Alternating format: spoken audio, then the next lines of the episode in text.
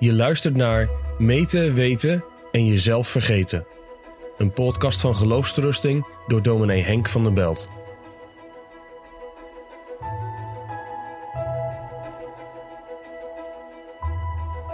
Een van de belangrijkste elementen van de geloofszekerheid is geloof als kennis, zeker weten. Door de nadruk op de bevinding in de moderne cultuur, de ervaring, die nadruk op de bevinding die trouwens ook in de gereformeerde gezinten vaak op het geloof geplakt wordt. Je moet het wel echt ervaren, je moet het wel echt voelen, anders is het niet echt. Leidt ons een beetje af van de insteek van de Reformatie, waarbij geloof vooral gedefinieerd werd als een kennen een zeker weten van Gods goedgunstigheid. Calvijn. Of zoals de catechismus het zegt, een stellig weten waardoor ik alles voor waarachtig houd wat God in zijn woord geopenbaard heeft. Maar de catechismus nuanceert dat al een beetje door dat tegenover het vertrouwen te plaatsen. Zo lijkt het tenminste. Niet alleen een stellig weten, maar ook een vast vertrouwen. Ja, als je het zo zegt, dan komt alle nadruk inderdaad op dat vertrouwen te liggen. En als dat vertrouwen dan ook nog wordt ingekleurd als iets wat je ervaart, dan zit je weer helemaal op het spoor van de bevinding. Ik denk niet dat je de catechismus zo mag uitleggen. Het hoort veel meer bij elkaar. Het is God zo kennen dat je, omdat je Hem zo hebt leren kennen, vanuit zijn woord, ook op Hem gaat vertrouwen. Het is dus geen tegenstelling tussen hoofd en hart, tussen verstand en gevoel, maar het is een eenheid. Weten en vertrouwen.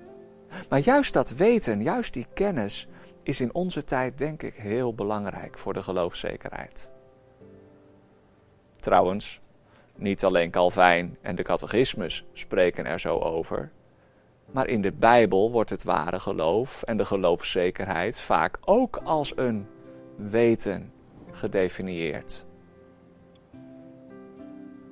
Ik weet in wie ik geloofd heb, schrijft Paulus aan Timotheus. En die blindgeborene. Het is natuurlijk een geschiedenis, maar wat een mooie tekst. Eén ding weet ik dat ik blind was en nu zie. In de psalmen komt die geloofskennis van God ook naar voren. Die uw naam kennen, die zullen op u vertrouwen, zegt Psalm 10. Daar heb je het kennen en vertrouwen, die helemaal bij elkaar horen. En Psalm 56 in de berijming. Ik roem in God, ik prijs het onfeilbaar woord. Dit weet ik vast, God zal mij nooit begeven. Geloofszekerheid, dat is weten in wie je geloofd hebt. Dat is in onze cultuur, de moderne cultuur, best lastig geworden. De grote filosoof van de verlichting, Immanuel Kant, maakte een scherp onderscheid tussen weten en geloven als je iets gelooft, ik geloof dat het morgen gaat regenen, dan weet je het niet zeker. Anders zou je niet zeggen, ik geloof dat. Nee, wat je kunt weten, kun je ook meten. Tasten, narekenen, controleren. Kennis heeft te maken met de empirische waarneming, met onze zintuigen en alles wat je daaruit afleidt. Nou, God kun je niet waarnemen. Hij valt buiten onze werkelijkheid, achter de gordijnen van de zichtbare werkelijkheid. Hij is er wel, dat geloofde kan best. Maar je kunt niet weten dat hij bestaat. Je kunt het alleen maar hopen. En je doet er goed aan om het te hopen volgens Kant. Om een goed, moreel, hoogstaand mens te zijn, kun je maar beter geloven dat er een God is die afrekent met het kwaad en die de deugdzaamheid beloont. Maar zeker weten? Vergeet het maar. Het is een geloof. En daarom is het per definitie niet zeker. Nou, dat gedachtegoed van Kant, van de verlichting, dat zit diep in ons bewustzijn. Misschien wel in ons onderbewustzijn. Heel veel mensen denken ook zo over het geloof. Je kunt het nooit zeker weten, want het is toch een geloof. Hoe zit dat dan precies? Nou ga ik niet uitweiden over Immanuel Kant. Ik heb daar wel over geschreven in mijn boekje. Over de geloofszekerheid. Meten, weten en jezelf vergeten. Meten, dat gaat over het zelfonderzoeken. Dat is nodig. Weten, dat gaat over de kern van het geloof.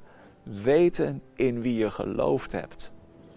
En dat is nu juist lastig in de moderne en zeker in de postmoderne context waar alles gerelativeerd wordt. Toch is het belangrijk om eraan vast te houden. Geloven is weten, kennen. Misschien zie je dat wel het duidelijkste in de Bijbel aan de hand van Job. Job die alles kwijtraakt. Job die zo zwaar beproefd wordt.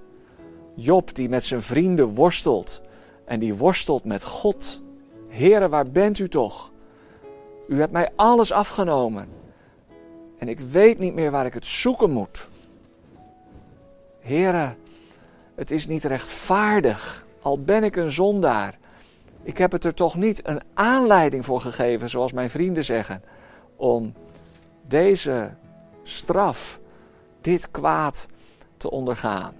En als Job zo worstelt met God, zegt hij in hoofdstuk 19: Ik weet echter, mijn verlosser leeft.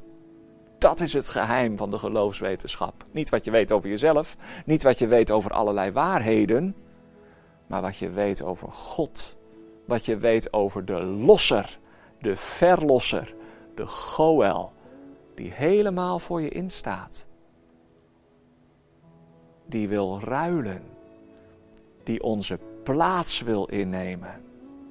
Welk een vriend is onze Jezus, die in onze plaats wil staan. De Goel, de losser. En ik weet, zegt Job, mijn verlosser leeft.